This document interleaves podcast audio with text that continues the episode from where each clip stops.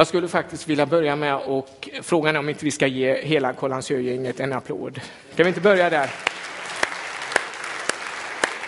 Det är ett stort steg för dem att gå upp och ställa sig här. När eh, den här idén kom upp så eh, hade jag mina funderingar. Men jag förstod och jag tror att vi ska tacka Göran Svensson i Trappa. För det är han som har tragglat med den här gruppen. Och egentligen ska jag säga att grabbarna, när ni kom igång och sjöng första gången, så satt tonen direkt där. Och det är Göran som ska ha det tacket. Han har tragglat med det här.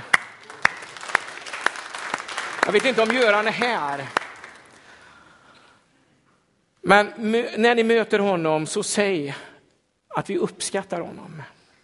Det är oerhört spännande att se. Ni ska veta det, de här gångerna när vi möts och sjunger i udden så är det ett jubel. Jag kan nästan skämmas ibland och jag kan vara stolt. Det ena orsaken till varför jag skäms är att jag inte kan sångerna.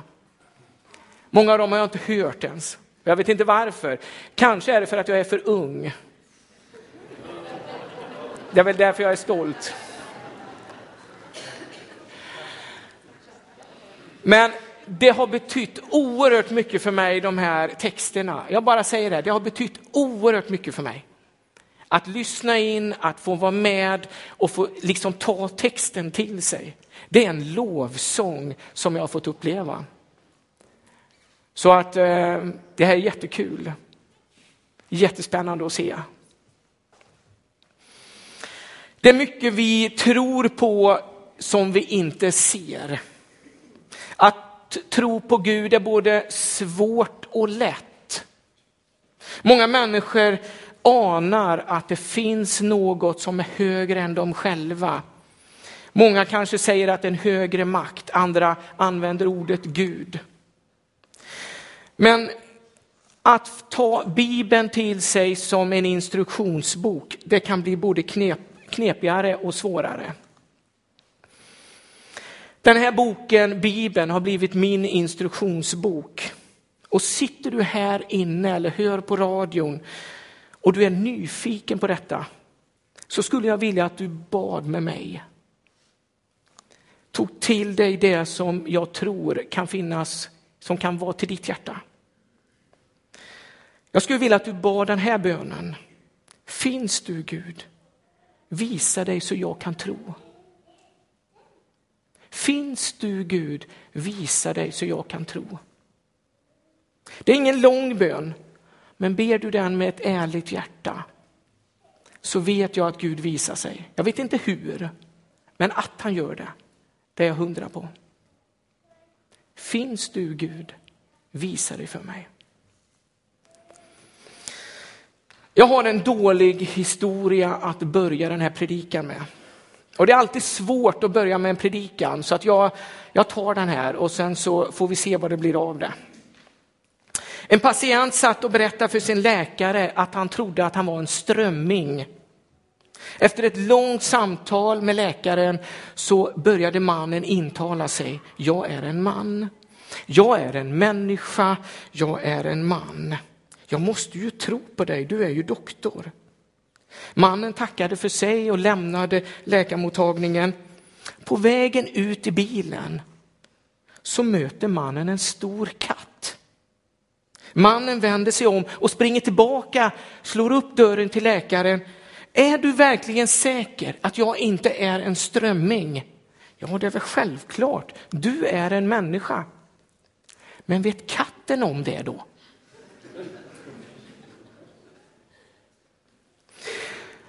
Jag önskar att den här predikan inte ska vara en predikan som eh, slätas över. Jag skulle vilja att du funderade på, är det någonting som är till mig? Pröva det om det är tilltal till just dig. Inför det nya året så satt jag och läste gamla testamentet. Om ni har sett Kalla fakta så kan ni ju se att ibland så lyser de ju upp en text och en del av texten är kritvit för man ska se bara just den texten. Det hände för mig. Det stod profetera detta över mitt folk. Profetera detta över mitt folk. Jag vände och vred på Bibeln och, och liksom, jag fick bara fram den här texten. Och jag börjar prata med Gud. Ja, men profetera, ett stort ord. Ja, men berätta då för mitt folk vem de är och vad de har i mig. Sen har den här texten fått växa i mig. Så jag har satt överskriften Vet vem du är. Jag tror det är viktigt att veta vem man är och vilka tillgångar vi har tillgångar till, eller tillgång till. Som kund eller som kommuninvånare så är det en rättighet och man nästan dumförklaras om vi inte har koll på vad det är för någonting vi har rätt till. Det är ju kundens marknad. Och jag känner igen det där när jag sålde bil. Det är alltid kundens marknad. Det som är spännande här, det var att Jesus började ge mig bilder. Jesus kallar djävulen för tjuven. Han säger tjuven kommer bara för att stjäla, slakta och döda. Och jag har kommit för att det ska ha liv, ja liv i överflöd. Jag fick upptäcka att fienden vill stjäla saker, vill ta ifrån oss det Gud har tänkt med oss, vad vi ska ha. Och en sak som fienden vill ta ifrån oss, det är vissheten, det är vetskapen, det är tryggheten om vilka vi är. Fienden vet att det får så förödande konsekvenser i våra liv om vi inte riktigt vet vilka vi är. Den första stenen som får hela tornet att rasa, det är just där. När man hamnar i livets stora utmaningar, jag tror alla möter utmaningar, stora som små. Vi kanske inte möter dem som mannen innan, som en stor katt. Vi kanske möter andra saker som skrämmer oss, saker som gör oss oroliga, bekymrade. Då är det viktigt att veta vem man är och vad vi har. Och vem som står bakom oss. Och jag skulle vilja ställa mig i den här läkarens roll och uppmana och visa på vad Bibeln säger, vilka vi är. För jag tror det är lätt att lägga sin identitet i ett arbete, i familjen, släkten, fritidsaktiviteterna. Jag är en otroligt skön golfare, jag har en bra sving. Eller jag är en chef och när allting förlorar så har man ingenting att stå på. Jag tror Bibeln vill ge en fingervisning var vi är på väg. Och vad säger Gud om mig? Jag ska läsa ifrån Efesierbrevet. Och egentligen vill jag läsa lite ett större stycke, men jag ska utgå ifrån det som är i kapitel 1, 5. I sin kärlek har han genom Jesus Kristus förutbestämt att vi ska tas upp som hans barn enligt sin vilja och sitt beslut. Jag tror jag läser hela stycket, ska ni få en bild. Välsignad är vår Herre Jesu Kristi Gud och Fader, som i Kristus har välsignat oss med all den himmelska världens andliga välsignelse. Liksom han innan världens grund blev lagd har utvalt oss i honom för att vi ska vara heliga och fläckfria med honom. I sin kärlek har han genom Jesus Kristus förutbestämt att vi ska tas upp som hans barn enligt hans vilja och sitt beslut för att hans härliga nåd som han har skänkt oss i den älskade skall prisas. I honom är vi friköpta genom hans blod och har, har förlåtelse för våra synder på grund av den rika nåd som han har låtit flöda över oss med all vishet och insikt. Han har låtit oss få veta sin viljas hemlighet enligt sitt beslut som han hade fattat i Kristus. I den plan som skulle genomföras när tiden var fullbordad, att i Kristus sammanfatta allt i himlen och på jorden. I honom har vi fått vårt arv förutbestämt till det av honom som utför allt efter sin vilja och sitt beslut. För att vi som har vårt hopp i Kristus skall prisa hans härlighet och ära. I honom har också ni, sedan ni hört det sanna budskapet om evangeliet, om er frälsning, ja, i honom har också ni, sedan ni kommit till tro, tagit emot den utlovade heliga ande som ett sigill. Anden är en handpenning på vårt arv, att hans eget folk ska förlossas för att hans härlighet skall prisas. När ni läser det här så måste ni förstå varför jag tog med hela den här texten. Det är en enda lång mening i den grekiska översättningen. Det finns inte en punkt, inte ett kommatecken. Det finns ingenting. Paulus går i sitt SS. Alltså han, går, han blir totalt, alltså han bara lovprisar Gud när han kommer igång. Han får, stopp, han får inte stopp på sig. Han vet vem han är. Och han vill avslöja detta för oss allihopa. Paulus har fått den här förvissningen. Vet vem du är. Det är mitt mål idag när ni lämnar gudstjänsten. Vad är vi då? Jo, din djupaste identitet, det är att du är ett barn till Gud. Du är ett Guds barn.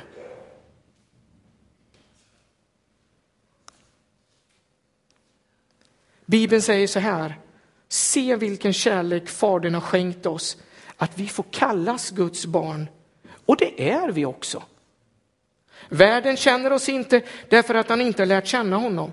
Mina älskade, vi är nu Guds barn och vad vi ska bli är inte uppenbarat. Men vi vet att när han uppenbaras kommer vi att bli lika honom, ty då får vi se han som, som han är. Och var och en som har detta hopp, till honom renar sig, liksom han är ren. Johannes här i sitt brev, första brev, skriver att vi får kallats Guds barn. Och så fortsätter han. Det är vi också.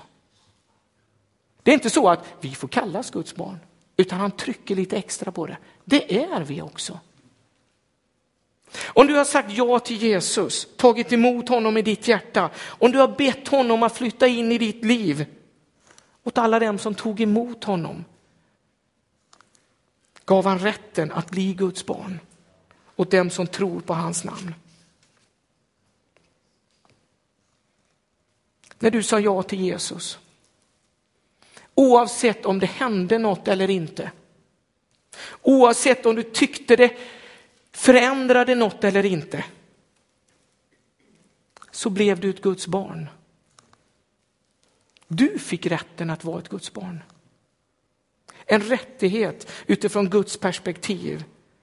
Gud ger dig rätten att få kallas Guds barn. Vi kanske inte alltid känner oss som ett Guds barn. Vi kanske inte alltid beter oss som ett Guds barn eller uppför oss som ett Guds barn.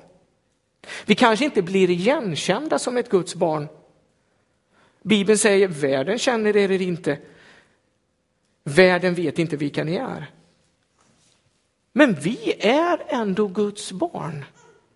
Inget som vi kan skapa själva, utan någonting som Gud har gett oss som en gåva.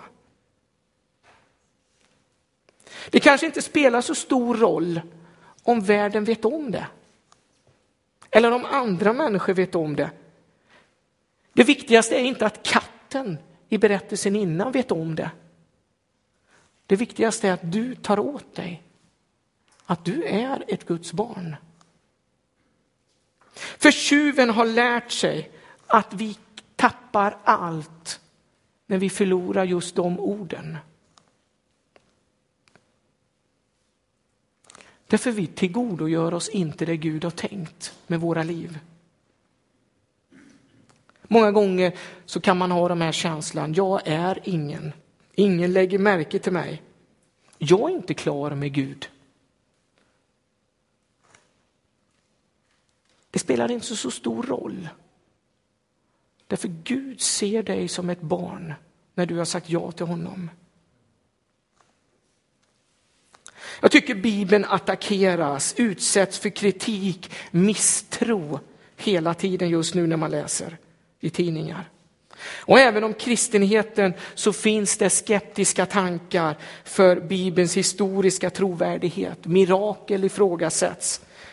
Och en del önskar skriva om vissa texter i Bibeln. Ibland ökar den här tvivlet, känslan, ovissheten.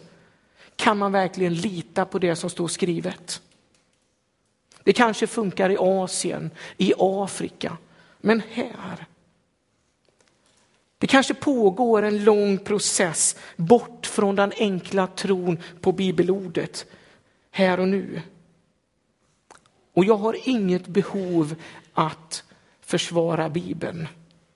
För det gör Gud genom sin församling, genom vår församling. Men min längtan är att släppa lös den kraften som Bibeln har att ge oss. Vi kallas inte bara Guds barn, för vi är det också. Vad går vi miste om om vi inte tar oss till det? Det är egentligen det Paulus tar upp här i Efesierbrevet.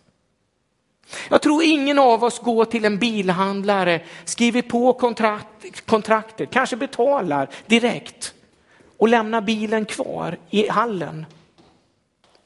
Ingen lämnar husmäklaren efter att ha skrivit på kontraktet, gjort upp affären med, med säljaren och inte flyttar in. Är det någon som känner till någon så berätta gärna det för mig. Varför tvivlar vi på Guds tanke om oss själva? Därför att tjuven är där.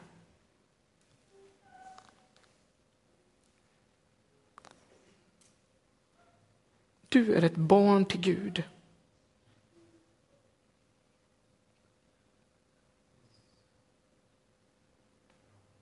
När vi läser Paulus ord så ser vi det som följer som Guds barn. Paulus ger oss ett antal förmåner som följer oss, som jag tror vi behöver ta upp till ytan och läsa gång på gång. Vad går vi miste om när vi inte ser oss som Guds barn? Gå tillbaka till Fesebrevet när ni kommer hem och läs. Gud har välsignat oss med all den himmelska världens andliga välsignelser. Har vi en snål Gud? Nej. Vi har en rik Gud. Gud har satt in så mycket på vårt bankkonto som bara står där. Gud vill att vi ska utnyttja det här och nu. Gud har gett oss andliga gåvor som han vill ska utnyttjas i församlingen. På våra arbetsplatser, bland våra vänner. Du är friköpt och förlåten från allt det som skiljer dig från Gud. När jag läste det här så fick jag känslan av när tjejerna hemma har gjort någonting. Jag blir ju galen om de inte förstår att jag har förlåtit dem. Om de kommer och ber om förlåtelse, skulle inte jag kunna förlåta dem? Vilken bild har jag av Gud om inte Gud skulle kunna förlåta mig? Är jag bättre än Gud? Nej. Gud har förlåtit oss. Du är helig, avskild för Gud. En ny identitet av renhet. En, vi har blivit utvalda. Det här är bara taget rakt ur den texten. Och det går att utveckla hur mycket som helst. Och jag skulle inte vilja hålla på för länge. Du är arvtagare till den himmelska världen. Vår lilla prinsessa som föddes här häromdagen. Hon har ingen aning om vad hon äger och har. Vi är kungasöner. Vi är prinsar och prinsessor till en världens kung. Vad har vi? Därför vi missar det här.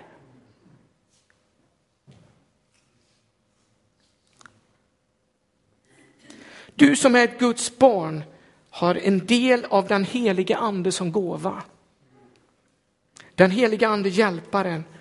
I honom äger du allt det du behöver. Jag har fått en ny vän ute på Kållandsö. När jag satt och pratade med henne så kände jag bara så här. Hon tog upp, vad har jag? Har jag den helige ande? Och när vi satt där och pratade så fick vi börja skratta. Därför att Bibeln talar om att hon har den heliga ande när hon hade sagt ja till Jesus. Och när vi bad så kändes det. Det var en sån värme och en sån kärlek ifrån den heliga ande i hennes hjärta. Varför tvivla på det? Jag skulle vilja att du provade det själv. Har tjuven stulit något ifrån dig? Din identitet, om vem du är och vad du har i honom.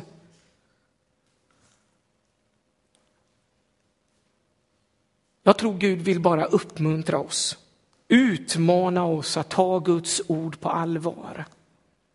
Låta Bibeln få bli den instruktionsbok som han har tänkt. Att det ska få bli en kraft som den heliga ande bara flödar i dig. Alltså, tron kommer av predikan, predikan i kraft av Kristi ord. Och egentligen så skulle jag vilja avsluta där jag började med att knäcka koden till Bibeln. Förtroendet kan vara svårt att ta fram kring Bibeln. Vem är du? Du är ett barn till Gud. Du är en prinsessa och en prins till den största kungen. Och Gud har gett oss förmåner och rättigheter som ligger på vårt bankkonto. Och ni har alla fått någonting av detta som det bara går att plocka ut.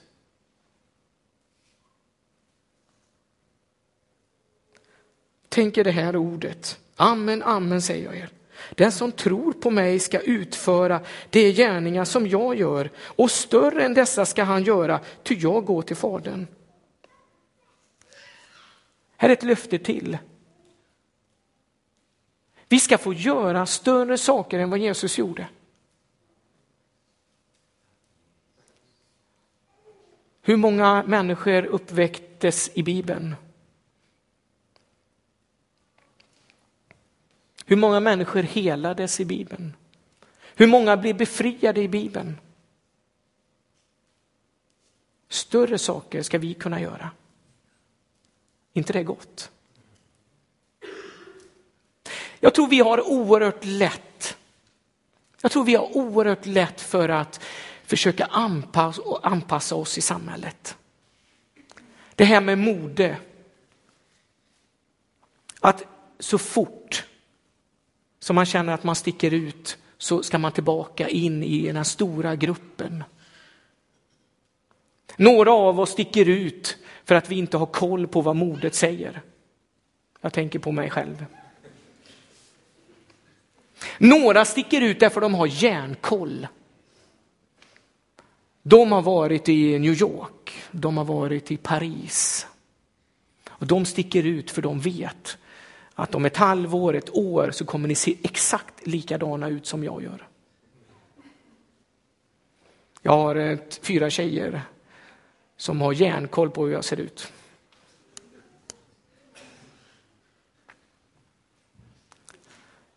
När Jesus kom så säger han så här, Guds rike är här.